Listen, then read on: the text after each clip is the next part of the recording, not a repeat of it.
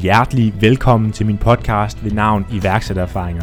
I denne her podcast vil jeg forsøge at give dig nogle konkrete kompetencer som iværksætter, som gør, at du står endnu bedre stillet til at vækste din virksomhed. Så hvis du er iværksætter, så er du havnet det helt rigtige sted. Jeg selv arbejder i dag i min egen virksomhed, hvor jeg sidder i advisory boards, hvor jeg holder iværksætterforedrag og laver en masse andet med iværksætteri. Det gør jeg på baggrund af, at jeg har bygget to virksomheder førhen, både et digitalt marketingbureau og en webshop på nettet. Der hvor jeg står nu, er jeg rigtig gerne vil give tilbage, og derfor så har jeg lavet den her podcast, hvor jeg forsøger at hive så mange spændende mennesker fra mit netværk ind i studiet og snakke omkring konkrete problematikker. Tusind tak, fordi du vil lytte med. Vi starter nu. Så kan jeg byde velkommen til episode nummer 14 af min podcast, og tusind tak, fordi I stadigvæk lytter med. I dag har jeg besøg af Kasper Ackermann, som er stifter af Ackermann Kommunikation, hvor de sidder og arbejder med e-mail marketing for ja, nogle af de største virksomheder i landet.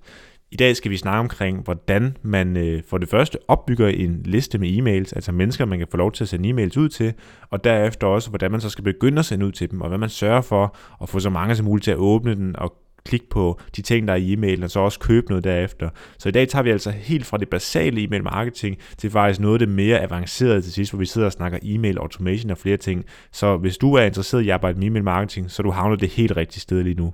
Jeg skal skynde mig at sige, at hvis du ikke har set det endnu, så har vi oprettet en Facebook-gruppe til alle jer, der lytter til podcasten, Facebook-gruppen den hedder iværksættererfaringer netværk, altså iværksætter-erfaringer mellemrum netværk, og den kan du finde ind på Facebook. Og umiddelbart efter den her podcast er kommet ud, der vil Kasper Ackermann, som er gæsten i dag, lave et post i den her gruppe, hvor du kan stille andre spørgsmål til ham. Det vil sige, hvis der er nogle ting, du ikke føler, du får svar på her i podcasten, så kan du så gå ind og stille spørgsmål direkte til Kasper, som han vil bruge tid på at svare på. Så det håber jeg også, du vil benytte dig af. Jeg glæder mig til at se den på gruppen, og så glæder jeg mig til at snakke med dig igen, når vi ses på den anden side, efter du har fået en masse viden omkring e-mail marketing i den her podcast. Vi ses på den anden side. Velkommen til, Kasper. Tusind tak. Og øh, først og fremmest tak, fordi du vil, vil medvirke i min podcast. Det sætter jeg kæmpe pris på. Kunne du ikke tænke dig lige øh, til at starte med her, bare lige fortælle øh, lytterne, hvem du er, og hvad du har lavet indtil videre, hvad du laver i dag og sådan nogle ting? Jo, det, det kan du tro. Jeg hedder Kasper. Jeg er 25, snart 26 år gammel, og øh, bor i København med min øh, kæreste. Jeg, øh, jeg driver til dagligt øh, e-mail marketingbureauet øh, Ackermann Kommunikation, hvor vi hjælper øh, virksomheder med at... Øh, udvikle e-mail marketing strategier og implementere e-mail marketing strategier og marketing automation strategier helt overordnet set. Øhm, og vi er en øh, vi er cirka en, en 8 mand nu her og øh, og er i gang med lige faktisk lige nu at, at ansætte et par, par mere. Så, så vi sidder og hjælper alt fra store nationale og internationale virksomheder ned til, øhm, til små startups, der skal, der skal, der skal vækste. Så det det, det, det, det, vi laver egentlig. Ja, og altså, hvordan kommer man i gang med det? Altså, hvorfor, hvorfor lige e-mail marketing, og hvordan kom du i gang med det? Hvad du lavet før det, og den slags ja. ting? Ja, jamen, det, er en, øh, det, er et, øh, det er et rigtig godt spørgsmål. Øh, jeg, jeg, har altid, jeg har altid interesseret mig for, for digital, og har startet med, jeg kan huske, jeg startede med at lege med, med, med HTML, sådan i en, jeg tror, 7. 8. klasse i virkeligheden, og, og jeg kan huske det her med, der, jeg bare huske de her affiliate-banner, man kunne sætte ind på sine websites, og, så, og så kunne man mm. blive afvendt den vej igennem, og til trods for, at det var jo totalt håbløst, det man sad og lavede på det tidspunkt, så, så kan jeg huske, jeg synes, det var meget interessant, det med, at man kunne tjene penge på internettet, og det var sådan den første, øh, det var første gang, det gik op for mig faktisk. Øhm, og så, øh, så byggede jeg nogle, øh, nogle websites øh, inden for noget, for noget e-sports på et tidspunkt. Øh, jeg byggede ja. ikke websites, men jeg var med på det, og, øh, og kom i kontakt med, med, med to fyre, som havde et, et webhosting firma, og øh, da jeg så skal starte på min, min studie i København, der bliver jeg tilbudt at, at komme ind og arbejde med dem, øh, og stå for deres digital forretning, eller deres digital marketing hedder det, øh, uden egentlig en konkret sådan, jobbeskrivelse. Jeg kan bare huske, at øh, Anders, som den ene af partnerne hed, fortalte, at jeg sådan, skulle stå for ansigtet udad til for den her virksomhed, som hed, hed Mebox, og vi solgte, vi solgte webhosting. Øhm, så der, der var, det var egentlig, det var sådan der, det kickstartede der sådan i 2012-2013 på, på, på, at jeg fik lov at arbejde sådan intens med, med, med digital marketing og, og meget performance marketing orienteret, så det var egentlig primært centreret omkring vores øh, Facebook-annoncering, vores øh, sådan content marketing, det var meget omkring vores blog, og så vores e-mail marketing. Øhm, så det var der, jeg havde sådan min, min, hvad kan man sige, min professionelle opvækst. Øhm, og så førte det ene til det andet, og så, så besluttede jeg mig på et tidspunkt for, ja, så fik jeg egentlig nogle henvendelser fra nogle, fra nogle virksomheder, som så det, vi lavede i Mebox, og synes det fungerede godt, og ville gerne have min hjælp til, til deres marketing. Og der tænkte jeg, jamen hvis jeg skal kunne, hvis jeg skal kunne hjælpe dem, så, øh, så, så er jeg jo nok nødt til at have et, have et CVR-nummer.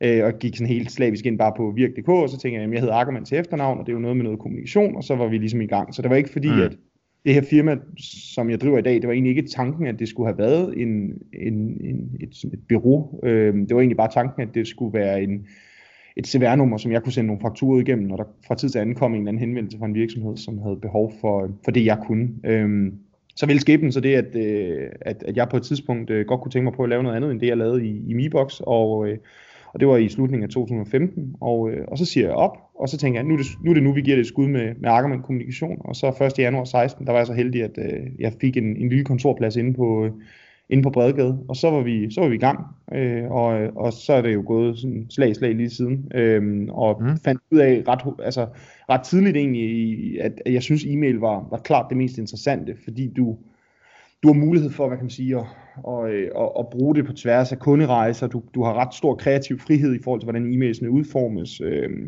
og, og der er hele det her tekniske aspekt i forhold til at, at bruge segmenter og data intelligent til rent faktisk at, at matche budskaber med målgrupper. Det synes jeg er, det er noget af det, jeg synes er allermest fascinerende i virkeligheden. Så, øh, så det var sådan, øh, det var sådan min, min start i forhold til e-mail marketing. Ja. Mm? Og en, en, en, en, en, en sjov sidenote til det, altså en, et af de største steder, eller første steder, undskyld, hvor jeg købte øh, en hjemmeside, det var faktisk ved Mibox, og jeg kan tydeligt ja. huske de her e-mails, øh, man fik, hvor der stod, der, der stod hilsen Kasper fra Mibox. Er det ikke korrekt? Eller noget, ja, ja, ja, lige præcis. Det var, det var, vi var meget, jeg var meget, jeg kan huske, jeg var meget inspireret af, hvad hedder det, af, af mange sådan amerikanske tech-startups, øh, der i 2013 cirka. Altså det var sådan der, og jeg kan også huske, Danske Falcon Social, synes jeg også gjorde det super godt. Øhm, ja. og, og jeg, kan bare, jeg, jeg blev meget inspireret af deres måde at drive marketing på, og så undersø- altså, brugte jeg meget tid på at undersøge, hvad, hvad virker, hvad virker ikke. Øhm, og så prøvede vi at implementere nogle af de der ting, øh, som, øh, som vi kunne se andre gjorde og testede det, og så om det virker. Altså det, det fungerede jo. Så, øh, så, så jeg vil sige, vi var, øh, når jeg sådan tænker tilbage, så synes jeg, vi var ret skarpe på vores marketing. Vi lavede jo også noget, som vi testede også nogle ting af, som, som jo ikke fungerede, men, men jeg synes, alt i alt, så var det en, øh, så formåede vi at få, få, få, få lavet nogle fede ting. Øh, mm. Så ja. Helt sikkert, og helt enig også, øh, så sagt. Og, og Kasper, et spørgsmål, som jeg stiller alle, der kommer, kommer ind i podcasten og ind i studiet her, det er, øh, når man så altså får gang i sin virksomhed, og nu kan man sige, du gjorde det lidt sideløbende til at starte med, men hvordan får man det første salg i virksomheden? Fordi det er en udfordring, som rigtig mange iværksættere sidder med derude. Ja, øh, jamen det, og det kan jeg godt forstå, fordi man siger, hvis ikke du har noget, hvis ikke du har salg i din forretning, så har du ikke en forretning. Så, øh, så, øh, så det kan jeg også godt forstå, det, det skal også fylde meget, når man driver en virksomhed. Øh, det som, øh, jeg var også heldig, at i MiBox, der, øh, der sad jeg med meget af vores kontakt til, øh, til det, vi kaldte øh, startup-segmentet. Øh, så jeg havde, jeg havde et rigtig godt netværk øh, i virkeligheden. Jeg startede min, jeg havde et okay netværk, der startede min virksomhed blandt øh, hvad kan man sige, sådan nogle e-commerce virksomheder og lignende. Øh, men, øh, men i tillæg til, til nogle af dem, som henvendte sig, så, så kørte vi også, øh, så kan jeg huske, jeg, jeg kørte, jeg kørte faktisk også nogle Facebook lead ads, øh, hvor man kunne henvende sig for at få hjælp til sin, sin e-mail marketing. Og, øh, mm. og der var prisen på Facebook annoncering også en lidt anden, øh, men, men der fik vi faktisk de første, der fik vi faktisk de første kunder den var igennem, øh, gennem sådan digit, rent digital annoncering. Øh, og, øh, og så var det gennem, altså så var det gennem henvisninger fra, øh, fra kunder også. Øh, prøv, gjorde, gjorde meget ud af, fordi det, er man, det skal man jo gøre altid i virkeligheden, men specielt også i starten, at øh, man skal, jeg mener, man skal, man skal arbejde meget med sine eksisterende kunder for at få nye kunder. Det kan man gøre hele vejen igennem sin forretning. Men det var noget, jeg, jeg også lagde rigtig meget vægt på i starten i virkeligheden. Og, øh, og så tror jeg bare, hvis, hvis folk kan se, at du er dygtig, og hvis folk synes, du er likable, så tror jeg, at øh, så tror jeg, man er mere tilbøjelig til at, øh, at stole på den person. Og når man stoler på en person, så er man også mere tilbøjelig til at sende, sende forretning øh, den persons vej. Øh, mm. Så, så det, er egentlig, øh, det var egentlig lidt, øh, det var sådan det startede. Så det var en, det var en blanding af noget digital annoncering og noget, noget, noget, noget fokus på at få for, for den meget begrænsede kundemængde, man havde i starten, til rent faktisk ja. og, og synes om det, man lavede, øh, og, og, og vise gode resultater selvfølgelig, og så rent faktisk øh, se, om, om du kan, du kan nu siger jeg citationstegn, udnytte det til at, til at få noget ny forretning. Øh, ja. det, var, det var sådan, jeg gik i gang. Mm-hmm. Helt enig. God tilgang at have til det også, tænker jeg. Og hvad så, altså når man så starter, øh, når du starter med kommunikation, altså hvad var risikoen ved det? Var der nogen risiko, og man kan sige, der, du kan både vælge at kigge på der, hvor du vælger at stifte værnummer, men også der, hvor du vælger at sige, nu går vi fuldtid i det. Ja, ja det var, altså, det var, øh, jeg tror måske, at, øh, at, at jeg tror, at mange har meget større risici, end, end jeg egentlig havde, fordi det var jo et, det var jo et digitalt bureau, som, og, det, og det er der bare, den forretningstype er der bare nærmest ingen risici, altså, risici i, fordi du skal ikke ud og købe nogle, øh, altså, nogle kapitalapparater, altså hvad hedder det, nogle maskiner, mm. du skal ikke ud og lave de store investeringer up front, øh, du kan i virkeligheden bare starte med din egen laptop. Det sammen med, at jeg var, jeg var, jeg var studerende på, på CBS på det tidspunkt, og, øh, og, og havde, mit, havde egentlig et, et, mit job i Mibox, så, så var det jo ikke fordi, at det var, øh, der var nogle risici over, altså nærmest. Det var jo mm. bare, øh, det, det, det, gik vi, det var bare at gå i gang. Så, så for mig var der ikke, var der ikke de store, de store, de store risici. Øhm, fordi, ja, det, det, det, det har jeg egentlig aldrig tænkt over. Altså det, jeg har selvfølgelig overvejet det, men det var ikke fordi, at det, var, det, det fyldte noget. Nej. Øh, og, øh, og, øh, og jeg, har, jeg er meget fokuseret på at drive en sund forretning, og, og mm. har, har, har øje på de, på de vigtige på de vigtige tal, og har omringer mig med nogle, nogle dygtige folk, både vores, vores økonomiansvarlige og min, min, min, øh, min kommersielle chef, som, som, som jo er med til at, ja, på nuværende tidspunkt i hvert fald, sørge for, at vi, vi, vi, vi sejler skibet i den rigtige retning. Ja.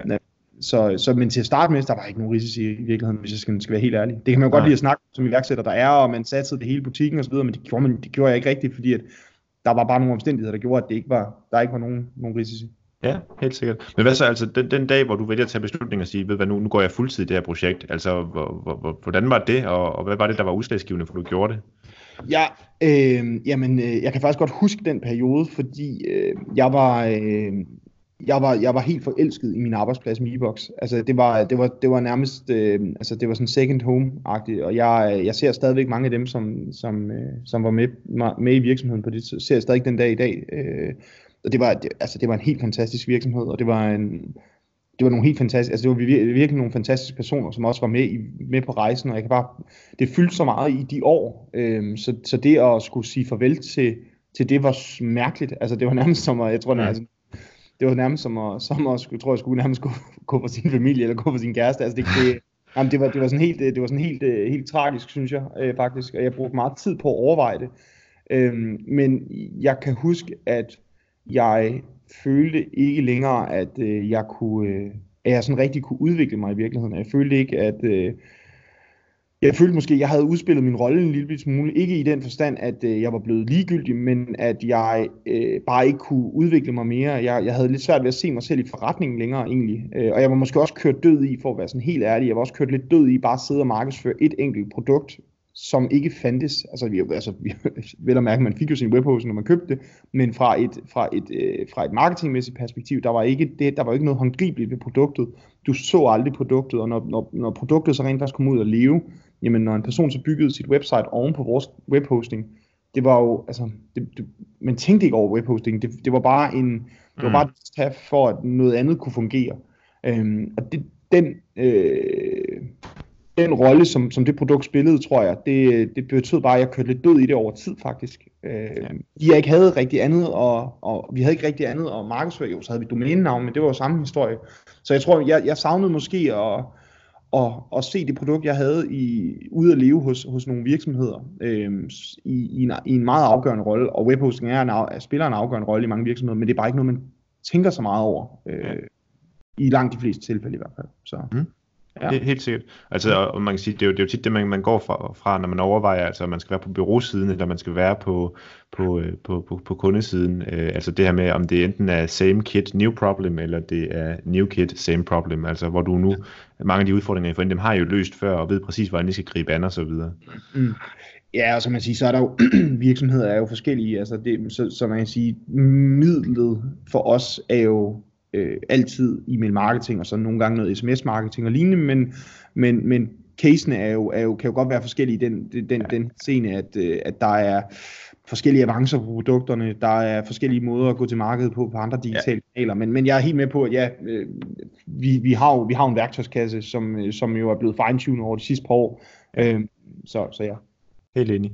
Mm. Det vi skal snakke om i dag, sådan for alvor, Kasper, det er jo omkring det her med, hvordan man øh, opbygger en e-mail-liste, og så også tjener penge på, mm. på, øh, på de subscribers, man nu har. Øh, og jeg kunne godt tænke mig sådan at, at starte med lige at prøve at dykke lidt tilbage til der, hvor du sidder ved MeBox, og du, du har siddet som marketingansvarlig, mm. og du må jo have siddet og berørt altså alle digitale medier her, altså både Facebook og Google, og så også e-mail og så videre. Hvad var det, der fik dig til sådan at sige, jamen det, det er altså e-mail, som, som, som, altså, som du brænder for, og som du også føler, du har mest flere indenfor? Ja, Jamen det var egentlig, øh, hvad hedder det, øh, altså det, det, var, det var sådan lidt en sjov, øh, sjov start egentlig, fordi øh, da vi sidder i Mibox, der var til at starte med, der var meget af vores, øh, der var meget af vores øh, fokus rettet mod, til at starte med, helt, helt tilbage i 13, tror jeg det var, 12 måske virkelig, der var meget vores fokus rettet mod den organiske distribution af indhold. Så det vil sige, at vi sad og, vi var faktisk meget fokuseret, det kan jo lyde i dag, lyder, men lyder det jo fuldstændig sindssygt, men der var vi meget fokuseret på opbygning af Facebook fanpagen. Jeg ved ikke, ja. om at det fyldte meget på et tidspunkt. Jo, og det gjorde det også hos os, og vi kørte også like-annoncer, og vi gjorde, altså vi gjorde meget ud af at få likes ind på siden, så vi kunne ligge og distribuere vores blogs, fordi vi havde sådan en strategi om, at vi ville gerne være øhm, der, der, var meget få, der var meget få mennesker, som synes, at webhosting er sexet, så vores øh, strategi det var, at vi kunne godt tænke os at fortælle historier omkring personer, som øh, har gang i øh, noget, noget, noget forretning, øh, gang i noget website, gang i noget webshop, hvor, øh, hvor webhostingen spiller en eller anden form for rolle. Så vi lavede interviews med iværksættere, vi lavede øh, gæsteblogs med, hvordan man fik mere trafik ind på sit website, fordi så kunne vi ligesom give vores kunder noget, noget, noget viden, som de så kunne bruge til at tiltrække mere trafik, og det gjorde forhåbentligvis til sidst så, at udover at vi var blevet set som dem, der ligesom, vi havde, vi havde måske spillet en afgørende rolle, så, øh, så havde, havde vi også fået mere gang i deres webshop, så de skulle bruge nogle større produkter hos os. Mm. I forhold til e-mail, så, så var det jo, øh, så kom det egentlig sådan lidt i, i, i forbindelse med, at vi sad og opbyggede den her Facebook fanpage, for jeg kan, jeg kan nemlig huske, at jeg tænkte på et tidspunkt, at i stedet for, at vi lægger det ud på Facebook, og vi kunne se, at vores, vores reach begyndte at falde. Jeg kan ja. huske, at vi sidder og kigger på den her graf, og den falder og falder og falder. Så kan jeg huske, at jeg, jeg tænker, jamen, i stedet for, at vi, vi, vi lægger alle æggene i, i Facebooks kurv, og, og, og, og satser på, at, at vi, vi, vi kan blive ved med at distribuere organisk, og hvis ikke vi kan det, at blive ved med at bruge penge, hvorfor forsøger vi så ikke, når vi i forvejen driver trafikken ind til vores blog, hvorfor forsøger vi så ikke at samle noget af den trafik op, øh, så vi i højere grad har mulighed for at ligge og lave distributionen gennem en kanal, vi i højere grad ejer øh, og her parentes hermed ment øh, e-mail. Øh, så det var egentlig sådan, det var egentlig i, som en, som en øh, jeg, jeg fik egentlig øjnene op for det i, i relation til, til, til det vi gjorde på, på andre digitale kanaler, for jeg mente at at det var et godt supplement i virkeligheden, øh, og det mm. mener jeg stadigvæk det er, til, til det vi gjorde øh, på, på, de, på de nu siger, brede kanaler, altså på, på Facebook i virkeligheden. Øh, fordi vi fik dermed mulighed for at, øh, at eje leadsene i højere grad, og eje vores distribution i højere grad, end vi gjorde øh, over på Facebook. Ja. Så, så det var egentlig det var sådan, jeg fik øjnene op for det. Øhm, ja. Mm. Og, og så man kan sige, nu, nu sidder du og arbejder med øh, et, et, et hav af forskellige typer af virksomheder, kunne jeg forestille mig, også forskellige størrelser af virksomheder, som du også startede med at sige. Altså, i, i hvilke tilf- tilfælde er det sådan ekstraordinært godt at benytte sig af e-mail marketing i sin strategi, og er der nogle tilfælde, hvor det måske er, ikke er en god idé? Ja, øhm, jeg vil næsten sige, at i stort set alle typer forretninger, det er lige både for, altså det er lige fra store, altså store B2B virksomheder til små startups til B2C e-commerces, der kan det give mening at, at arbejde med e-mail marketing, men der er bare nogle faktorer, der skal være på plads, før du, du rigtig kan gå i gang med det, og rigtig, eller rigtig kan få succes med det. Øhm, og, og noget af det, vi ser som, som, en, som en af de mange, en af de afgørende faktorer, det er, hvis ikke du har fundet ud af, hvordan du skal øh, få, få kontakt til dine subscribers, eller få kontakt til dine potentielle subscribers. Hvis ikke du har, hvis ikke du har, har en eller anden plan for det, så mm. lykkes e-mail marketing ikke, og det lyder måske skørt, men, men et godt eksempel på det, det er jo, der er mange, der tror, at det første, de, de skal starte med af digital marketing, det er, det er e-mail marketing, og det er, der, det, det er der nogen, der tror, fordi det jo er citationstegn gratis. Ja. Øhm, ment, at der ikke er noget spændt, ligesom der er på, på Facebook og, og, og Google. Øhm, Problemet er, at med den approach, det er, at du, øh, du ikke har styr på dine, øh, hvad kan man sige, dine niveauer længere op i din marketingtrakt. Øhm, så hvis, hvis du bare går i gang med e-mail, og ikke har fundet ud af, hvordan du enten skal være på Facebook og distribuere dine annoncer på Facebook, eller, og eller bare generelt tiltrække trafik ind til dit website, jamen så får du ikke nogen subscribers ind, og hvis ikke du får nogen subscribers ind, så, så får du ikke, kan du ikke drive værdi ud af din e-mail marketing. Så i de tilfælde, hvor det ikke er godt at benytte sig af e-mail marketing, det er de tilfælde, hvor du ikke har styr på dine, hvad kan man sige, de kanaler, de, de, de indsatser, der ligger længere op i din, din marketing funnel. Mm. Øh, så så det, jeg vil næsten hellere vente om. Okay, så det vil sige, ja. altså det, det du mener, det, det er, at e-mail marketing, det er det, der bidrager til ligesom at, at, at nudge folk fra måske, de er i en overvejelsesfase til faktisk at købe det til sidst, fordi de har vist på den tidspunkt, de er nysgerrige i ens produkt. Ja, lige præcis, lige præcis. Altså det, det er i hvert fald, øh, sådan helt kort sagt, så er det svært at komme i gang med e-mail marketing, hvis ikke du får nogle subscribers, og eller noget, du konverterer om til subscribers. Det tror jeg måske, det, det er måske nærmere sådan, man skal, ja. sådan, man, skal, sådan, man skal formulere det. Okay, helt sikkert. Mm. Øh, og altså, hvordan kommer man så i gang med det, når man nu står og siger, okay, vi, vi har en liste med, med nogle subscribers til at starte med, måske som vi har samlet op igennem nogle år, og så jeg tænker sådan helt fra scratch af, nu kunne vi godt tænke os at gå i gang med, med e-mail marketing. Så til at starte med, der er jo nogle forskellige systemer, man kan vælge imellem. Altså, jeg ved, der er noget, der hedder Ubivox og Mailchimp og nogle forskellige ting. Hvad, altså, hvad, hvad er det, man skal vælge her og, og så videre? Ja, systemet er i virkeligheden øh, er for mig at se i hvert fald i virkeligheden sekundært, fordi hvis ikke du har fundet ud af, hvis ikke du har gjort dig nogle tanker omkring, hvad det er, du gerne vil bruge din e-mail marketing til, hvad er det for en rolle, det skal spille, så er så, så kan du stå til vælge hvilket som helst system nærmest. Altså hvis, ja. hvis det bare er, at du gerne vil sende et nyhedsbrev ud, så, så, så er det stort set, øh, så, altså, så er det nærmest ligegyldigt, hvilket system du vælger. Øh, men hvis du, hvis, du, hvis du har lagt en plan, hvor du siger, jamen jeg kunne godt tænke mig at øh, prøve at bearbejde mine, nu, tager vi en eller anden e-commerce som eksempel, en, min, min, min førstegangskunder, dem der har mm. første gang aflagt, og, og som vi har permission på selvfølgelig, dem kunne jeg godt tænke mig at bearbejde med øh, nogle e-mails og nogle sms'er. Øh, jamen, hvis du, hvis du har den, hvis du på strategisk niveau har sagt, jeg kunne godt tænke mig at bearbejde mine førstegangskunder, og på taktisk niveau har sagt, det skal være med automatiske e-mails, og det skal være med nogle sms'er, jamen, så har du allerede begrænset dig i forhold til, hvilke systemer du skal vælge, fordi så kan det være, at du måske ser en fordel i, at du har et system, som kan begge dele, øh, både sms og e-mail, og så er, det, så er der bare nogle systemer, du ikke skal vælge. Mm-hmm. Så, mhm. så, så det, er egentlig, øh, det er egentlig den vej rundt, at man, man skal gå til det at vælge et system, altså på baggrund af, hvad det er for nogle overvejelser, man har på strategisk og taktisk niveau. Så er der selvfølgelig nogle systemer, som egner sig øh, godt til nogle forskellige kategorier og virksomheder. Øhm, vi, vi oplever lige nu, at, der er rigtig mange, som øh, rigtig mange e-commerces, som, som, øh, som, som øh, kigger ind i, øh, som får kigget ind i det, der hedder Klaviyo som, som platform. Øh, mm. Det er en, øh, en e-mail marketing platform, der er bygget til, bygget til e-commerce. Øh, vi oplever stadigvæk rigtig meget, øh, hvad hedder det, øh, interesse for, for, for, hvad hedder det, for Active Campaign som platform mm. som er en, hvad kan man sige, en, en, en platform, der også har noget CRM-funktion, hvormed at, at der er mange, øh, også B2B-virksomheder, som synes, det er spændende, men også øh, B2C-virksomheder faktisk. Autopilot er en, af, en, en rigtig interessant platform stadigvæk. Øhm, der har du øh, rigtig god mulighed for fuldstændig at skræddersy dine, din flows øh, og dine kampagner, som du gerne vil. Øhm, så, så, så, så der er bare der er nogle platforme, som, som vi ved, der, der, der oftest øh, virker til nogle bestemte typer af virksomheder, men, men vi tager altid udgangspunkt i, hvad det er for nogle, øh, hvad det er for nogle behov og nogle, nogle overordnede strategi, der ligger til grund for, øh, der ligger i virksomheden, øh, og på baggrund deraf vælger, eller hvad kan man sige, scope hvad hedder det, de forskellige platforme ud. Ja, så det vil sige, ja. altså, når, når man så sidder øh, som, som virksomhed og overvejer e-mail marketing, så i stedet for at det første, man gør, det er at vælge system, det er faktisk det første, man skal identificere, det er, hvad er det vores mål med vores e-mail marketing er, hvad er det, vi gerne vil opnå, fordi det er ud fra det, vi skal vælge systemet. Ja, præcis, og man kan sige, og det, man skal måske gå lidt mere i dybden, fordi, det er, fordi hvis du spørger alle e-commerce stort set, så er det, de gerne vil have mere salg, øh, og det er jo fair nok.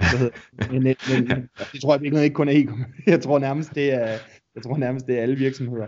Men, ja du skal, man skal gå lidt mere i dybden og sige, at hvis vi gerne vil bearbejde vores øh, eksisterende kunder, så er det også vigtigt at spørge dem, hvordan vil vi gerne bearbejde dem? Øh, fordi hvis det kun er med e-mail, øh, jamen så, så, så, så kan man jo kigge ind den, de, de systemer, der kan det, og det udelukker i forvejen allerede nogle systemer, for der er nogle systemer, der ikke kan, øh, hvad kan man sige, automation endnu, og virker jo helt skørt 2019, men, men, øh, men, øh, men, men ja, så det er på baggrund af, af sådan nogle, nogle overvejelser på, på strategisk og taktisk niveau, at man skal vælge sin, øh, sin e-mail marketing platform. Okay, helt sikkert. Og altså, så, så lad os sige, at vi finder ud af, at nu, nu, nu øh, har vi fundet vores strategi her, vi har fundet ud af, hvad for et system vi vil vælge. Øh, altså man kan sige, det, det, det, det system, jeg kender mest til, det er MailChimp. Jeg ved ikke, om det er stadig en af de mest brugte egentlig, øh, i forhold til, til e-mail marketing. Øh, men, men lad os sige, at det, det er den, vi, vi går med. Vi bruger MailChimp til vores øh, e-mail marketing her. Og nu skal vi have mm. folk til at tilmelde sig vores nyhedsmail. Altså hvordan får vi det? Fordi igen, jo flere vi har snakket til på vores nyhedsmail, jo bedre. Men vi skal også have dem til at tilmelde sig på en anden måde. Selvfølgelig. Man kan sige, der kan du arbejde med, øh, med, med, øh, med nogle forskellige typer af lead, eller forskellige former for lead-generering. Øhm, og, øh, og det er i virkeligheden noget af det, som vi også fokuserer rigtig meget på, fordi hvis ikke du får nogle øh, leads ind i din øh, e-mail marketing platform, jamen så er du bare begrænset i den værdi, du kan, du kan skabe eller udvinde på din e-mail marketing. Øh, noget af det, som, som, som mange af vores kunder øh, ligger og eksperimenterer med, det er, det er Facebook Lead Ads, øh, mm. som, som, en, som en kanal til at, til at generere leads. Øhm, og det er jo, hvor de går ud og, og, og, og enten målretter deres lead ads bredt mod, øh, mod, mod, øh, mod personer, som måske ikke har været inde på deres website. Det kan også være mod personer, som lige har gennemført et køb. Hvis man gerne vil have folk til at signe op derefter, jamen, så kan du vise nogle annoncer mod dem.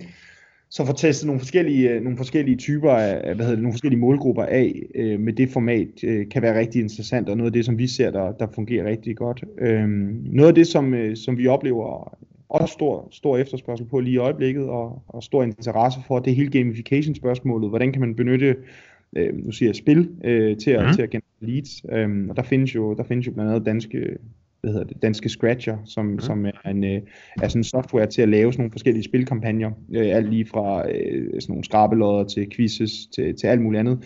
Øh, og der ser vi, at øh, der ser vi, at, at man, kan, man kan få en ret høj volumen, en, øh, ret høj volumen på sit, på sit lead-indtag. Øhm, og, øh, og, og så er der jo sådan helt klassisk, øh, helt klassisk sådan noget pop-up og pop-ups, øh, hvad hedder det, som, som stadigvæk også fungerer rigtig fornuftigt, øh, og som, øh, som, som, øh, som ikke behøver at være intrusive, hvis du bare bygger, de, øh, bygger, bygger dem rigtigt. Øhm, og der er danske Sleeknote jo stadigvæk i min optik førende, øh, og jeg synes, de, øh, jeg synes, de leverer et øh, rigtig fornuftigt produkt, der har, har gang i nogle spændende ting, og har, de har lavet sådan en, en sådan two-step, øh, hvad hedder det, pop-up, eller har udviklet på det i hvert fald, og det kom for et par måneder siden, mener jeg, hvor, hvor, øh, hvor man kan samle information op over flere steps i pop-up'en, øh, noget som, som, som jeg synes ser rigtig interessant ud. Ja. Så det er nogle af de muligheder, man har, øh, og, øh, og, og, øh, og noget af det, vi selv gør i vores i Ackermann Kommunikation, det er, at vi ligger jo og leverer vi ligger jo og laver og leverer og distribuerer, hvad hedder det, sådan nogle rapporter, white papers og e-bøger, som vi ligger og skyder ud, så det er så i form af Facebook Lead Ads oftest øh, også, men, øh, men hvor folk simpelthen kan komme ind og, og downloade det. Øh, og det tjener jo nogle forskellige formål, blandt andet at vi får nogle, nogle, nogle e-mails ind, vi kan ligge og bearbejde med vores egne e-mail-kampagner, øh, men også at vi rent faktisk positionerer os selv øh, på markedet. Øh, så det er nogle af de måder, metoder, man kan bruge til, til lead-generering. Ja. Og, og ud af de her metoder, altså er der nogle ting, som I sådan ser, ser, der virker ekstraordinært godt lige nu, eller noget? Jeg tror, jeg tror, det vigtigste er i virkeligheden bare, at man ikke... Øh, der, der er nogle forskellige ting, man skal tænke over, når man gør det. Øh, først og fremmest, så skal du tænke over, øh, over dit brand i relation til det, du, øh, det, du, giver, det, du giver ud. Øh, så hvis du er... Jeg kan huske i min e-box, der, der på et tidspunkt, der tror man kunne vinde en... Hvad, hvad hedder de der ting, som... Altså, det var sådan, jeg hænger ikke huske, hvad det hedder. Sådan en... Øh, altså det, det, det er sådan futuristisk, øh, hvad hedder det, det er ikke et løbehjul, altså det er sådan en, man stiller sig op Nå. på, hvad hedder det, en, en, en, det er ikke en segway, jeg kan ikke huske, hvad det hedder. Jamen, så waveboard eller sådan noget. Ja, det er muligvis, ja, lige præcis, ja. man det, og vi solgte jo webhosting, og der kan jeg huske, altså jeg tænkte, det er simpelthen, det er simpelthen, det er simpelthen for skørt. Øh, det er for langt væk fra vores eget brand. Ja. Øh, vi, havde ikke, vi var ikke dygtige nok til på det tidspunkt at, øh, at monitorere, hvordan de leads rent faktisk, øh, hvordan de leads rent faktisk, øh, rent, rent faktisk virkede. Men, men, men, men der er jo noget i forhold til, hvis du giver noget ud, som slet ikke har noget med dit brand at gøre, udover det, det, kan, det kan ødelægge dit brand en smule, øh, mener jeg, så, så, så, er det også noget, så er det også kvaliteten på de leads, du får ind, som måske er, er middelmodig. Og det er ja. netop en ting, når du så rent faktisk tester, tester forskellige budskaber af, jamen så er det bare vigtigt, at du får testet nogle forskellige øh, budskaber af. Øh, det vil sige, at du rent faktisk går ud og, og prøver at se, jamen hvad sker der, når vi laver en konkurrence? Hvad sker der, når vi laver en, en e-bog? Hvad sker der, når, vi, når, vi, når, vi, øh, når man bare skriver, at du kan tilmelde dig vores nyhedsbrev? Hvor er det rent faktisk, at vi kan få, få flest mulige leads ind? Så man skal være åben i forhold til forskellige muligheder for rent faktisk at, og til, øh, ja, for rent faktisk at finde ud af, hvad det er, der driver, de, driver den højeste volumen leads. Og så afslutningsvis, så er det vigtigt, at man i sit e-mail marketing platform har gjort det muligt for sig selv rent faktisk at holde øje med, hvordan er det, de her leads så rent faktisk performer, når de kommer ind i vores e-mail marketing maskine. Og, øh, og vi sad og lavede en analyse for en, øh, for en virksomhed her den anden dag, som sidder i en platform, der hedder øh, Remarkety, øh, mm. som e og jeg ved godt, det lyder som sådan noget Facebook remarketing eller, eller, eller Google remarketing, men det er faktisk en e-mail marketing platform, i den platform, der har du mulighed for at øh, gå ind på og lave et segment på din nyhedsbrevsliste, hvor du for eksempel siger, at jeg vil gerne se alle dem, der kommer fra Facebook Lead Ads, og det kan du gøre i mange platforme, hvis du bare sørger for at få tagget dine leads op. Men noget af det, jeg synes, der var fedt i den her platform, det var, at du har, du har mulighed for rent faktisk også at se, hvor meget, valg, øh, hvad hedder det, hvor meget omsætning er der på det segment. Øhm, mm. Og på den måde, så kan du udregne, altså så kan du se den, den totale værdi fra den lead genereringsindsats, du har, du har lavet. Øhm, og det, jeg kan, den, den visualisering er, synes jeg bare var fed, fordi den gav, den gav godt indblik i, jamen, hvordan har vores lead-generering rent faktisk performet. Ja, så, så hvis I kun kunne faktisk gå ind og sige præcis, hvad det kostede at generere leads, og hvad, hvad, hvad er vi omsat på de her leads, altså om ja. det giver plus eller minus til sidst. Præcis. Okay, det er ret spændende. Men, altså, okay, så nu, nu begynder vi at få folk til at tilmelde sig vores nyhedsmail. Vi har måske fået lavet den her lead magnet, hvor vi hele tiden genererer nye øh, subscribers til vores øh, nyhedsmail osv. Nu skal vi så til at sende nogle mails ud til dem. Og, mm. og jeg ved, altså noget af det, som man fokuserer ret meget på i e-mail marketingbranchen, det er jo det her open rate og click rate, er jo ofte de sådan nøgletal, man kigger lidt på. Så, så vidt jeg husker, så må du rette mig, ja. hvis jeg tager fejl her. Men, men hvordan er det, man sådan præger altså, de, de nøgletal i at blive så gode som muligt, og hvad det betyder egentlig? Ja, Altså, øh, man kan sige, først og fremmest, øh, åbnings, åbningsraten er jo, øh, hvor mange der åbner dine e-mails i procent, i virkeligheden ud af, ud af dem, der har modtaget det. Øh, klikraten er jo, hvor mange der klikker, og så kan du have en click-through open rate, det vil sige, hvor mange der klikker af dem, der har åbnet, og en click-through rate, som er baseret på, hvor mange der har fået den tilsendt. Click-through open rate, hvor du kigger på, hvor mange der klikker ud af dem, der har åbnet, er i virkeligheden en mere retvisende parametre, fordi på den måde, så, så, så, baserer, så kigger du udelukkende på, dem vi rent faktisk fik til at åbne, hvor, mange, hvor stor procent, procentdel af dem har rent faktisk haft lyst til at interagere, i stedet for at kigge på, hvor mange af dem, som har modtaget e-mailen, har haft lyst til at interagere, fordi så spiller åbningsraten i virkeligheden også en faktor i, faktor i, i, den, i det regnestykke. Mm. Så det er sådan, det, det, man kan sige, det er den, den helt klassiske forklaring på de to øh, KPI'er. Øh, noget, øh, noget, som der er vigtigt at forstå, det er jo, at, øh, at der er nogle forskellige øh, serier, e-mail-serier, e-mail funnels, øh, på forskellige stadier i en kunderejse, som oftest vil have en højere, øh, hvad kan man sige, højere, et, nogle, nogle bedre eller nogle højere engagement-tal end andre. Øh, hvis, du, øh, hvis du har en, øh, et, et, en velkomst-e-mail-serie, for eksempel altså en, en top funnel e-mail-serie mod nye leads, mm. som, øh, som kommer ind ved at tilmelde sig din pop-up, jamen de vil det, det, er svært, det, man, det er svært lige at sige noget generelt, men ofte så vil de have en, en højere, øh, nogle højere engagement-rater, det vil sige åbningsrater og klikrater, end en, øh, end en winback-serie mod tabte kunder, som ikke har interageret i, øh, eller som ikke har købt fra dig i, i 180 dage, fordi ja. de er kommet længere væk fra din forretning. Så det er svært det der med at sidde, altså det er lidt, hvis man sammenligner sådan to serier, så er det sådan lidt ligesom at sammenligne æbler og bananer på en eller anden måde, mm. øh, eller æbler og pærer, eller hvad man plejer at sige. Ja, ja. Øhm, fordi fordi det, det, det, det er to helt forskellige øh, marketingaktiviteter. Øh, så, så det er vigtigt først og fremmest at forstå. Man kan selvfølgelig godt gå ind, og nogle i min marketingplatform tillader, at du går ind og finder nogle benchmarks, det vil sige, hvordan er det generelt set, at vores, øh, vores konto ser ud, og så kan du prøve at arbejde lidt med det. Men i virkeligheden så er det vigtigt at holde øje med, hvordan er det den enkelte e-mail ser performer over tid i forhold til at gå ind og lave optimeringen. Mm. Øhm, Øh, så så hvis, man, hvis man gerne vil arbejde med sin åbningsrate, så er der jo nogle forskellige, nogle forskellige parametre, man kan, man kan forsøge at skrue på. Man kan forsøge at teste på noget emnelinje. Hvis vi skriver det her versus noget andet, hvordan påvirker det folks øh, lyst til at åbne vores e-mails? Man kan teste på noget afsendernavn. Øh, nu nævnte du selv det her Kasper fra Mebox som afsender mm. i Ebox. Det var fordi, vi havde kørt nogle split-test, hvor vi så, at det virkede bedst.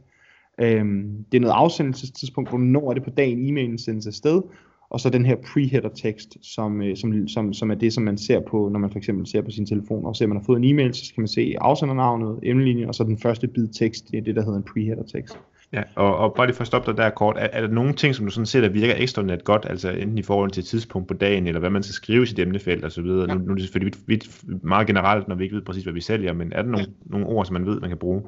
Altså det gælder jo i virkeligheden om, at, øh, at i hvert fald på emnelinjen, noget af det, vi ser, der fungerer godt i de fleste cases, det er, det er brugen af, af, hvad hedder det, af emojis, altså smileys i virkeligheden, ja. fordi så får det bare emnelinjen til at stå ud på i indbakken. Øhm, det er, det er vigtigt, at når du split-tester på din emnelinje, vi kørte en test for et stort mediehus, øhm, hvor, vi, øh, hvor vi så, at der, der vi havde fået til opgave blandt andet at øge, øh, hvad hedder det, mm, eksponeringsgraden, det vil sige, hvor mange der rent faktisk blev eksponeret for brandet, og det vil så sige, at vi skulle gå ind og optimere på, på, på åbningsraten blandt andet, som et af, et af de her mikro-KPI'er, vi skulle, vi skulle sidde og skrue på. Øhm, og der blev kørt nogle, øh, der kørte vi nogle split-tests, og det var sådan en, en mediehus, der havde noget e-commerce, så der kørte vi på, øh, de havde kørt sådan en helt klassisk øh, tilbudspromovering i deres emnelinje. Øh, lige nu sparer du øh, 20% på det her.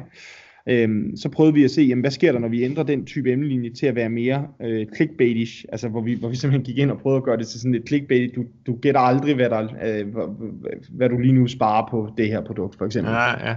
Øhm, og det vi så, det var, at emne, altså åbningsraten øh, steg markant, Øh, problemet var, at da vi så, når vi så gik ind, da vi havde kørt det et stykke tid og fundet, fundet et leje, der var, der var passende, så gik, vi, så gik vi videre. Det vi kunne se, da vi så lavede den endelige analyse, det var faktisk, at ikke den endelige analyse, men nogle delanalyser, det var i virkeligheden at se, at på trods af, at åbningsraten var steget, jamen så var det faktisk de andre e-mails, de klassiske e-mails, som kom, hvor, hvor, hvor der faktisk kom mere salg igennem.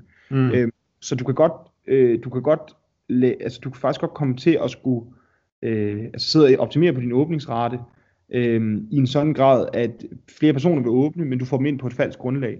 Ja. Øhm, så det er sådan en, det er sådan en faldgruppe, når man ligger, eller når man ligger, sidder og optimerer på sin, sidder og optimerer på sine, på sine, på sine forskellige øh, øh, kopier i sin e-mail marketing. Det er, at man skal have, man skal have øje for sådan den totale performance. Altså både hvis du, skruer, hvis du får skruet op for din åbningsrate, er det så er det så det, du skal gå med, den, den, den metode, altså hvis det var clickbait, det er det så ikke i det her, det var det så ikke i det her tilfælde, fordi på trods af at åbningsraten steg, jamen så solgte de e-mails faktisk for mindre end de andre. Ja. Øh, så, så, øh, og så varierer det helt vildt. Og vi har jo diskussioner her på kontoret øh, nærmest dagligt i forhold til, altså, de her, de her split-tests her, er, hvis, ikke, hvis, ikke der er, hvis ikke der er nok altså data til rådighed, kan man, altså skal vi så konkludere noget på det? Det, det mener vi jo ikke, vi skal, fordi at det, så kan det bare være tilfældigheder, der, der afgør det. Øhm, ja. så der, det, det, det skal være nogle markante ændringer, før du rigtig kan se, om, om det batter noget, således at det ikke bare er tilfældigheder, der afgør det. Ja. Ja. Okay, og, og det, er det, som, det, er, det er i forhold til åbenretten, altså, altså så er klikraten også, er, har vi nogle sådan konkrete ting, vi ved, der virker der også, ja. øh, i forhold til at få dem til at klikke, klikke sig ind på vores website, eller den handling, nu skal dem til at foretage sig? Mm. Noget, af det, som, noget af det, som fungerer godt, det er, det er, hvad hedder det, det er links i tekster. Altså mm. det er, hvad hedder det, udover at have de her øh, klassiske sådan, call to action i form af knapper, så kan det, så kan det give rigtig god mening også at have, have, have reelle øh, altså links i din, i din copy eller i din tekst, fordi så giver du personen mulighed for at i virkeligheden at klikke flere steder. Øhm, så, så, så noget af det, der, noget af det, der kan, kan, kan medføre en dårlig øh, klikrate, det er i virkeligheden, hvis du har for få call to actions, og det er både knapper og links. Øhm, så jeg vil helt klart anbefale, at du får sat, sat links ind i din tekst, øh, for simpelthen på den måde at, at optimere på din, din klikrate. Øhm, så er der også noget der, noget, der, noget, der taler for, at hvis du har call to actions placeret for langt nede i dine e-mails, så vil din, øh, så vil din klikrate være, være dårligere, end den kunne være. Fordi mm. at så skal personen, der læser din e-mail, scrolle længere ned for i virkeligheden at, at kunne interagere med det. Øhm, så det er, en, det, er en anden, det er et andet parameter i forhold til, i forhold til din klikrate. Øh, noget, der også kan påvirke din, din klikrate, det er din, øh, det er din produktsammensætning som, som e-commerce. Øhm, og der er, jo, der er vi jo så heldige i dag, at vi har jo en masse, man har jo en masse forskellige sådan nogle produktanbefalingssoftwares, øh, øh, hvor du kan gå ind og teste nogle forskellige anbefalingsstrategier af, for at se, jamen, hvis vi kører med øh, produkter på udsalg versus øh, produkter, som flest mulige, eller flest har købt lige i de her dage, jamen hvad for nogle produktsammensætninger er det, der rent faktisk driver de højeste klikrater, og er der overhovedet en forskel? Øh, det er også noget af det, man kan teste på, og så afslutningsvis det overordnede layout. Øh, ja. ja. Helt sikkert. Og det er jo så, så fordi nu, nu begynder vi at have styr på vores mails, så vi begynder at sørge for, for det første åbne folk vores mails, og for det andet klikker de også på noget, og for det tredje, som nok var det vigtigste, du nævnte, så er de mails, vi sender ud, de tjener faktisk også penge til os, altså vi, vi omsætter for noget her, Præcis. og omsætter ofte for mere, end hvad vi, hvad vi betaler i leadpriser. Altså, mm. hvor, hvor ofte skal vi så sende mails ud? Altså, fordi det, det, det er et spørgsmål, som jeg også har modtaget mange gange, altså, skal man sende ud en gang i ugen, eller skal man sende ud en gang i måneden, eller hver dag, altså, hvor, hvor, hvor, hvornår er det for meget? Ja, Altså, øh, det, det, og det er, et, det er også et spørgsmål, jeg hører tit, øh, fordi hele frekvensen er jo interessant, øh, et interessant spørgsmål, fordi jo mere man skal sende ud, jo mere arbejde ligger der også i det. Øh, ja. øh, oftest, medmindre man har, man har nogle, nogle tools til, for eksempel i forhold til det med produktsammensætningen, hvis man som e-commerce primært kører, kører produkter ud i sine e-mails, jamen, hvis man har et software til, der sidder og feeder produkterne ind, så kan man jo spare noget tid der. Men i forhold til, hvor mange e-mails man skal sende ud, så er, så er det et godt spørgsmål. Øhm, og det er et spørgsmål, som jeg i, faktisk i virkeligheden ikke kan svare på, fordi det er øh, uhyre caseafhængigt. Øhm, og det afhænger i høj grad af, øh, hvordan dine, dine subscribers interagerer med dine e-mails, klik og åben rate, og det, det, det, øh, det afhænger af din omsætning på e-mails. Hvis vi har en, en case, der, øh, der sender en e-mail ud om ugen, øh, og, og hvor, hvor åbningsret klikrate ser fornuftig ud, og unsubscribe raten er nogenlunde stabil, og de omsætter, lad os sige, for 10.000 om, om ugen på den her e-mail her, så laver de jo 40.000 om måneden. Øh, ja. en, en klassisk øh, optimeringstilgang til, til den case vil jo være at gå ind og prøve at sige, jamen i stedet for at sende en e-mail ud om ugen, hvad sker der så, når vi sender to e-mails ud om ugen? Ja. Øhm, det, kan godt virke, det kan godt virke en lille smule banalt, men ved at man gør det, så udfordrer man virksomheden øh, på den måde, at jamen, hvis, øh, hvis omsætningen, det behøver ikke engang fordoble, hvis den bare stiger, og mm. unsubscribe raten øh, er nogenlunde stabil stadig, jamen så har du i virkeligheden, øh, så har du i virkeligheden forudsætningerne for at kunne gøre den øvelse flere gange. Ja. Øh, og så dermed i virkeligheden bygge mere omsætning på din e-mail marketing. Mange øh, oplever jeg, har bare låst sig fast på et eller andet tal, som de øh, har fundet på i øh, en, en, en, øh, altså en nærmest en mørk aften, ikke? Øhm, og, og, så er det, og det, det er det, vi altid har gjort, siger de så. Øh, øh, og det er bare farligt, fordi på den måde, så begrænser du dig til at, øh, til, at, øh, til, til, til en bestemt performance, hvorimod at, at det måden vi øh, går til, går til e-mail marketing på, det er, at vi skal jo højne performance, ellers så, så, så, så gør vi jo ikke noget, nogen forskel. Ja. Øhm, så, øh, og, det, og det ene af måderne, man gør det, det er simpelthen ved at ligge, ligge og teste på den her frekvens her. Ja. Øhm, og ofte så er, det jo, så, så er frekvensen jo bare sat ud fra en, altså, ud fra en mavefornemmelse. Og det er jo fair nok i virkeligheden, men, men det er bare ikke sådan, man, det kan man bare ikke vækste en e-mail marketing øh, case på.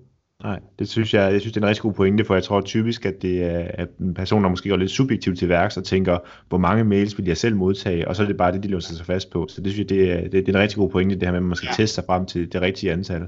Og så bliver jeg, bliver, jeg må lige nævne, så bliver jeg bare, jeg bliver, jeg bliver simpelthen skør i hovedet, når jeg hører andre nævne, altså hvor mange, øh, altså, ah, men så er det, man skal sende seks e-mails ud i, i et velkomstflow, altså det, det, det kan man, altså de der, de, jeg, kan, jeg kan simpelthen ikke, jeg kan simpelthen ikke arbejde med det, fordi problemet er jo, at, at det afhænger jo, altså det kan man jo ikke sige, det afhænger jo af, hvad, man, hvad, hvad det er for noget, hvad det er for en målsætning, hvad det er for en konvertering, man går efter på topfunnel-niveau, og hvor mange der udfører den konvertering, fordi hvis der kommer konverteringer på den 6. e-mail, lad os sige, vi er en webshop, som gerne vil have et førstegangssalg igennem på vores nye leads, og vi kan se, at vi laver konverteringer både på mail 1, 2, 3, 4, 5, 6, jamen en helt klassisk eller optimering i den, i den øh, serie vil jo være at bygge en ekstra e-mail på. Ja. Øh, og, og så kan man, altså, ja, så det, det er simpelthen, det er sådan et, øh, det er lidt en, en, en vendetta, jeg har mod, øh, mod, mod øh, de der ja, guides. Og, og, og nu nævner du selv, øh, altså selv velkomstflow her, øh, fordi det, det er jo noget, som øh, vi begynder at høre rigtig, rigtig meget om, og jeg kan godt tænke mig bare lige, at du kort forklarede, hvad det egentlig er, det betyder, og, og hvad det er, man kan gøre med det, med alt det her e-mail automation, det her med den automatiske flows og så videre. Altså, hvordan er det, man bygger sådan noget op, og hvornår er det, man skal gå fra at sende manuelle e-mails til at faktisk begynde at bygge sådan et automatiseret øh, øh, flow for sine e-mails? Det, øh, det skal man gøre øh, nærmest med det samme. Øh, mm. fordi man kan sige, med din e-mail automation, der bygger du noget, som du, ja, du skal ind og optimere på det, og du skal måske bygge ud en gang imellem osv., men det er i virkeligheden din grundstruktur i din e-mail marketing, som ligger og skaber, skaber trafik og driver eksponeringer og driver salg løbende. Øh, og så kan du begynde at køre kampagner ovenpå, som jo er, er lidt mere udsving, det er, fordi du laver kun salg på dine kampagner, når du sender dem ud. Øh, nu siger jeg kampagner, det er de her klassiske manuelle nyhedsbreve. Ja. Øh, så, så, øh, så det er noget af det første, jeg mener, man skal, man skal komme i gang med, øh, hvis man, når man skal arbejde med e-mail marketing. Det er at få bygget en, en grundstruktur til sin, øh, til sin e-mail automation. Øh, og så er det jo bare vigtigt, at du, øh, du har styr på, at, øh, at du har en platform, der rent faktisk kan det, som, som, som du gerne vil inden for automation. Øhm, og, og det er sjældent øh, bare at bygge en velkomst-e-mail, fordi hvis, altså, hvis du, hvis, du, hvis du kun har automatiske e-mails, der ligger og bearbejder de nye leads, der kommer ind, ja. det, er jo, det, er jo, det er jo fint, men, men så misser du bare rigtig mange muligheder, for der er jo en masse forskellige kundesegmenter på din liste, som du også kunne ligge og bearbejde med segmenterede budskaber, og det er jo virkelig det, det drejer sig om. Det er jo med din automatiske e-mail marketing, får du mulighed for i virkeligheden at levere øh, budskaber til personer, således at budskaberne rent faktisk passer øh, 100% til der, hvor personerne er i deres, øh, i deres købsrejse. Mm. Ja. Okay, helt sikkert. Jeg har godt tænkt mig, at jeg har taget en case med til os øh, i dag, øh, Kasper, for at vi lige kan prøve at konkret, konkretisere nogle ting. Og øh, i casen her, der er en til udgangspunkt i, øh, vi har to forskellige typer virksomheder her. Den ene virksomhed, det er en webshop. Du må egentlig selv bestemme, hvad de sælger. Altså hvis du har et produkt, du føler, at de skal sælge, så må du også gerne sige det. Og så har vi også et konsulenthus. Og ja. øh, de har øh, lige nu øh, sat nogle aktiviteter i gang, hvor de laver noget digital marketing, altså det vil sige, de har noget Facebook, de har noget Google, øh, og de har altså også nogle subscribers på deres e-mail liste, som de har fået igennem tiden.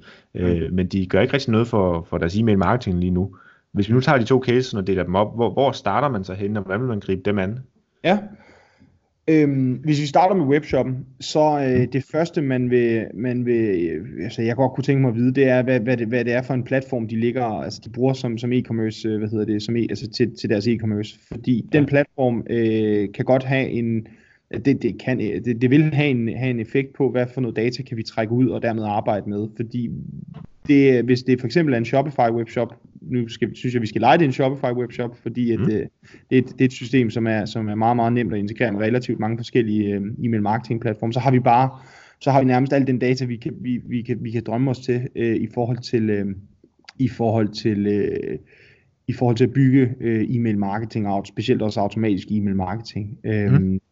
Så, øh, så kunne jeg godt tænke mig at høre i forhold til, hvad, hvad, om den her virksomhed har nogle problemer med, med nogle bestemte segmenter, eller hvad, hvad er udfordringerne i virksomheden, altså, eller er det bare, at de gerne vil øh, have sådan øh, best of breed øh, email marketing setup, altså vil de bare gerne have dækket den totale kunderejse af, og det er lidt et retorisk spørgsmål, fordi det vil mange virksomheder i dag gerne, øh, webshops i dag gerne have. Det er sjældent, at man som webshop kommer og siger, ved du hvad, vi har simpelthen vores førstegangskunder, dem skal vi have bearbejdet lidt mere. Ofte så vil man sige, jamen, øh, vi kunne godt tænke os, at, at I kommer et bud på, hvad er det for nogle, øh, hvad, hvad er det for nogle stadier i vores, øh, vores kunders rejse, som, som, som, som e-mail marketing kan være med til, at, med til at arbejde med. Så hvis vi leger det tilfældet, så, øh, så, er, så, så vil jeg mene, at, at det vi starter ud med at gøre, det er i virkeligheden at få bygget en række automatiske e-mail-serier, øh, som kan danne grundstammen omkring vores, øh, vores, øh, vores kunderejse. Så jeg vil, jeg vil gå ind og prøve først og fremmest at finde ud af, hvor får vi leads fra, og lad os sige, at vi får kun leads fra vores, øh, vores, øh, vores Facebook Lead Ads, mm. som ligger og skyder bredt ud på, på Facebook, jamen så vil jeg sætte en, øh, en, en, en serie op, en onboarding-serie, Automation 1, eller Top Funnel E-mail-serien, som vi også kalder det, øh, hvor vi øh, griber de leads, vi får ind, og til at starte med, der laver vi et tjek på, om de har købt, ikke har købt. Hvis ikke de har købt, øh, jamen, så vil jeg prøve at se, om vi ikke kan bygge en e-mail-serie, hvor vi øh, før hver e-mail laver et tjek på, om de har købt første gang. Hvis ikke de har det, jamen, så modtager de næste e-mail. Så det er i virkeligheden en e-mail-serie, hvor vi forsøger at få vores nye leads til at købe første gang. Øhm, på den måde, så, øh, så, så sikrer vi hele tiden, at vi kun pusher øh, e-mails i den her serie her, til dem, som stadig ikke har udført den handling, vi gerne vil have dem til, og det er selvfølgelig at købe første gang. Og det er dermed også sagt, at den her forretning, nu håber jeg lige, at jeg er okay, at lige sidder og sidder og finder på lidt. Det er fint, det er super. Den her webshop her hen ad vejen. Lad os sige, det er, lad os sige, det er sådan en forretning, hvor man godt kan forvente, at, at købsrejsen ikke er særlig, sige, overvejelserne i forhold til at gennemføre køb ikke er særlig lange. Lad os sige, det er en, en, en kvindetøjswebshop med, med, med, med nogle produkter, der ligger på sådan et, i gennemsnit sådan en, en 300-400 kroner stykket. Øhm, fordi så kan vi nemlig godt, så snart de er kommet ind, prøve at se, om vi kan pushe et salg. Øhm, øh, så, så, så det vil jeg gøre. Øh, og når de så gennemfører første køb, jamen så vil jeg have sat en e-mail-serie op, der griber dem, som har gennemført første køb, fordi i den e-mail-serie, der vil jeg forsøge at se, om vi ikke kan få dem til at give os nogle anmeldelser på Trustpilot, eventuelt give os et review på Facebook. Øhm, og så, vil jeg, så håber jeg selvfølgelig på, at, øh, at i, i din kvindetøjs webshop her, øh, Kasper, at, mm. at, at du har nogle komplementære produkter, fordi så vil vi begynde at pushe dem øh, baseret på, hvad folk har købt i, i, i, i, som deres, øh, deres første køb, for at se, om vi ikke kan bygge mere lifetime value på dem. Fordi det er virkelig det, der er opgaven. Det er jo, at vi skal have vores kunder til at blive mere værd. Øhm, fordi så kan du break even nærmest på det, på det første køb, og så har vi noget e-mail marketing, der ligger og, og bygger mere og mere på. Øh, ja. Så det er, sådan, jeg vil, det, er sådan, jeg, det er sådan lidt sådan, jeg vil starte, og så er der en masse andre e-mails, man kan, man kan arbejde med. Øh. Helt sikkert. Men så kan man sige, så er man, så er man i gang med at generere en omsætning på sin e-mail, så, så ja. vil man egentlig måske prøve at og, og måle lidt på det data og den omsætning og alt det, vi får nu. Prøve at finde ud af, hvad skulle det næste øh, træk så være i forhold til vores e-mail marketing, tænker du? Ja. Øhm, jamen, så jeg vil egentlig, altså jeg vil faktisk ikke stoppe det, jeg vil bygge, bygge, bygge flere automatiske e-mail på, jeg vil ja. bygge winback på til når vores kunder ikke har handlet hos os i en bestemt periode, ja. og der kan vi jo se, jamen hvis vi ser ind i vores, øh, vores backend, at en kunde skal handle, handle minimum, øh, lad os sige en gang om året, det er også, det er jo i nogle forretninger, det er jo lidt lavt, men en gang om ja. året, jamen så hvis der er gået mere end, lad os sige, 365 dage, siden man sidst har handlet, jamen så starter der et winback flow, der forsøger at få en til at komme tilbage, og det vil man nok starte lidt før, for at gribe ja. dem som er på vej til at journey i virkeligheden. Ja. Øh, så vil jeg forsøge at bygge et, øh, et, så vil jeg bygge et flow på til vores øh, repeat customers, dem som har købt mere end to gange.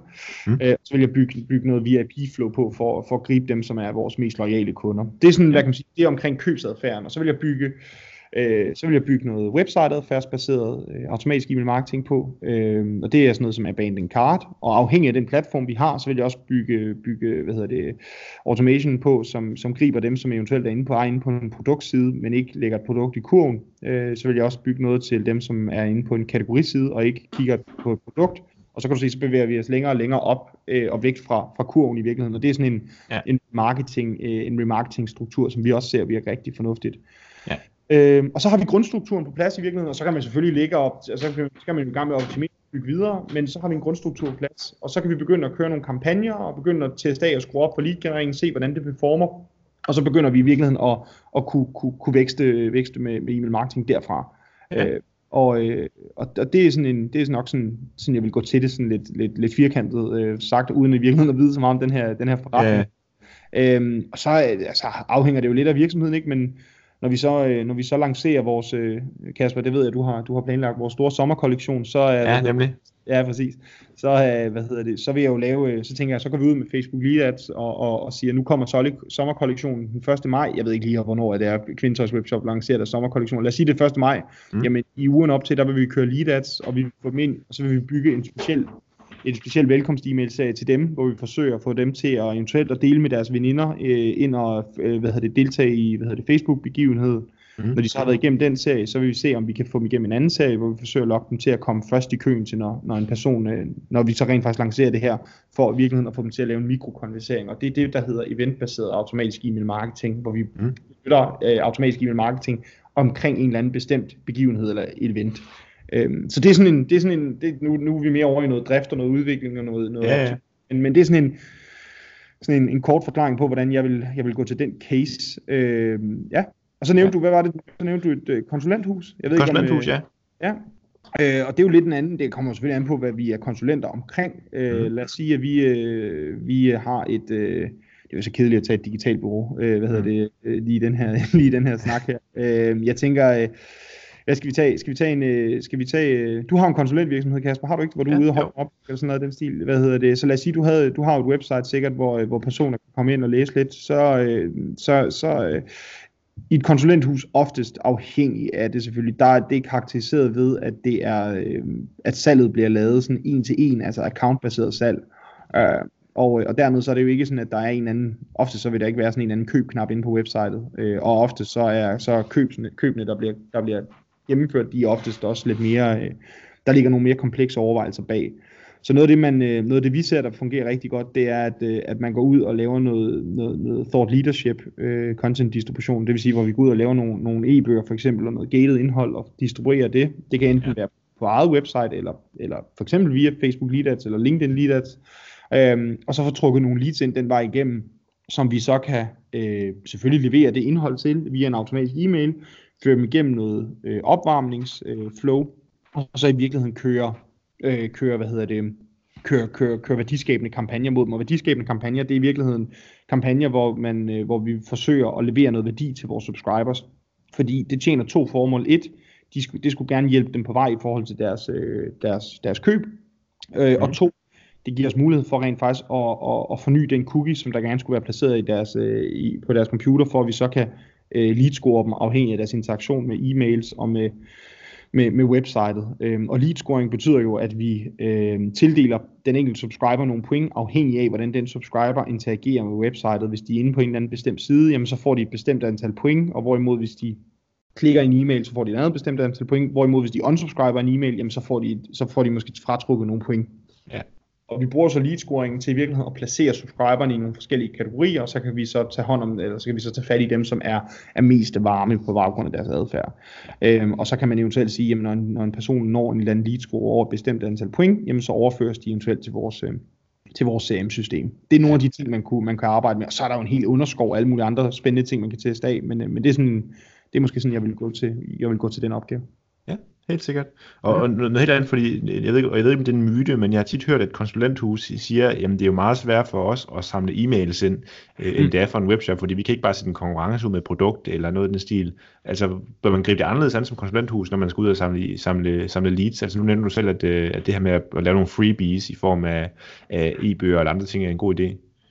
Jeg, jeg, tror, jeg tror i høj grad, det, det altså, Ja, altså jeg, jeg, er måske den, jeg er måske den indstilling, at øh, det giver ikke mening at lave en konkurrence, hvor man kan vinde en flaske, altså flaske vin. Det, det, det, det, altså jo, hvis du er en konsulent på vin, for eksempel. Men, mm. men jeg tror, jeg, jeg tror måske, at øh, fed, fed, konsulentvirksomhed forresten. Nå, men, øh, men jeg tror måske, at, øh, jeg tror måske, at, øh, at man skal, øh, det gælder i virkeligheden bare, det lyder så forfærdeligt, men det gælder bare om at tænke kreativt. Altså vi, i, mm. i, mener det var i var det i efteråret, eller var det i, faktisk i januar? Der, øh, jeg tror faktisk, det var efteråret. Jeg var over til en konference i, i Odense, der hed Email Summit, øh, og der havde vi fået en billet, øh, eller ja, det tror jeg, vi havde fået, en billet, som vi egentlig udlod, øh, hvad hedder det, eller vi, vi gav ud som en konkurrence, hvor man så skulle, øh, hvor vi kørte det, kørte, kørte det ud som en Facebook lead ad, mm-hmm. øh, og så kunne folk, øh, så kunne man tilmelde sig den konkurrence og vinde en billet til Email Summit det er jo en, altså, det er jo en konkurrence i virkeligheden, og vi er jo et B2B-konsulenthus, ja. øh, og det, det fungerede fint. Altså, det var, der fik vi en, det, det, det gav os en masse leads, og det var, det var, der har fin interaktion på, med de leads efterfølgende. Øh, så, så det har virket fornuftigt. Øh, og det er jo bare det der med at tænke, hvordan kan man bruge nogle elementer, som i vores forretning, og så tænke det ind i den, den kontekst. Øh, jeg synes ikke, at det, vores, altså, en af vores store, store, øh, store motorer i vores marketingmaskine i Ackermann Kommunikation, det er jo vores, det er jo vores eget nyhedsbrev, vores egen e-mail marketing, som jo i høj grad er båret af, at vi, vi er dygtige til at få, få, få tiltrukket personer til rent faktisk at give tilmeldelse af vores nyhedsbrev. Ja. Øh, og der, så jeg synes ikke, jeg synes, jeg synes det er noget pjat at sige, at det er, det er, det er sværere, fordi at det, ja, du får, du, altså, fordi markedet nok bare er mindre, så får du også færre leads ind, men, ja. men, men, øh, men, men det er også en helt anden, øh, altså, det er en helt anden værdi, der også kan ligge i de leads, ikke? så det, det, det, synes jeg, det synes jeg er lidt, det er jeg ikke helt enig i, hvis jeg skal ja. Helt enig. Hvad hedder det? Altså, jeg, jeg vil sige, jeg synes, det er, det er godt nok altså, vildt på mange måder, hvor, hvor, hvor, hvor mange muligheder der findes med e-mail marketing. Og, og du må virkelig også støde på mange virksomheder, der sidder derude, hvor der stadig sidder en, en marketingmedarbejder, som sidder manuelt og sender en e-mail ud i ugen, eller noget af den stil, og så er det en deres indsats. Så altså, jeg synes virkelig, det er fedt i den her podcast, at vi får belyst altså, alle de muligheder, der er, fordi der, der, vi kan godt nok komme vidt om, omkring efterhånden i forhold til automation flows og lead generering og alle de ting her. Mm-hmm. Et sidste spørgsmål, jeg har sådan i forhold til, til hele det her med e-mail marketing og så videre, det er, om du kan løfte sløret, løfte sløret for, for nogle hacks, eller nogle sådan øh, øh, ting, som der virker ekstraordinært godt mm. lige nu, som man bør benytte sig af, hvis man sidder og arbejder med e-mail marketing.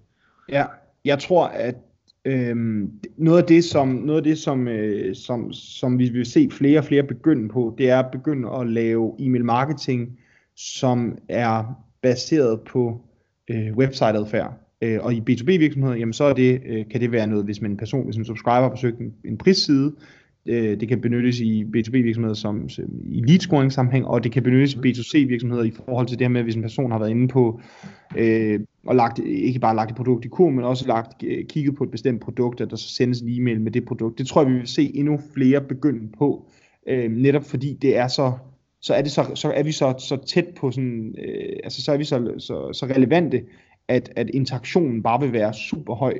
Øhm, og, og, og, og på den måde, så vil, så vil, så vil endnu flere af dine subscribers interagere med dine nyhedsbrev. Så det tror jeg, det vi se øh, flere begynde på. Øhm, og øh, fordi dermed så bliver din, din anden e-mail marketing også mere relevant, hvis man oplever, at e-mail... Det vi ser, det er jo, at de virksomheder, som, som, som er irrelevante med deres e-mail marketing, der er det bare sværere at få selv relevant e-mail marketing til at virke, fordi man har, fordi subscriberne har en, en, en forestilling om, at alt det, der kommer fra den her virksomhed, det er irrelevant.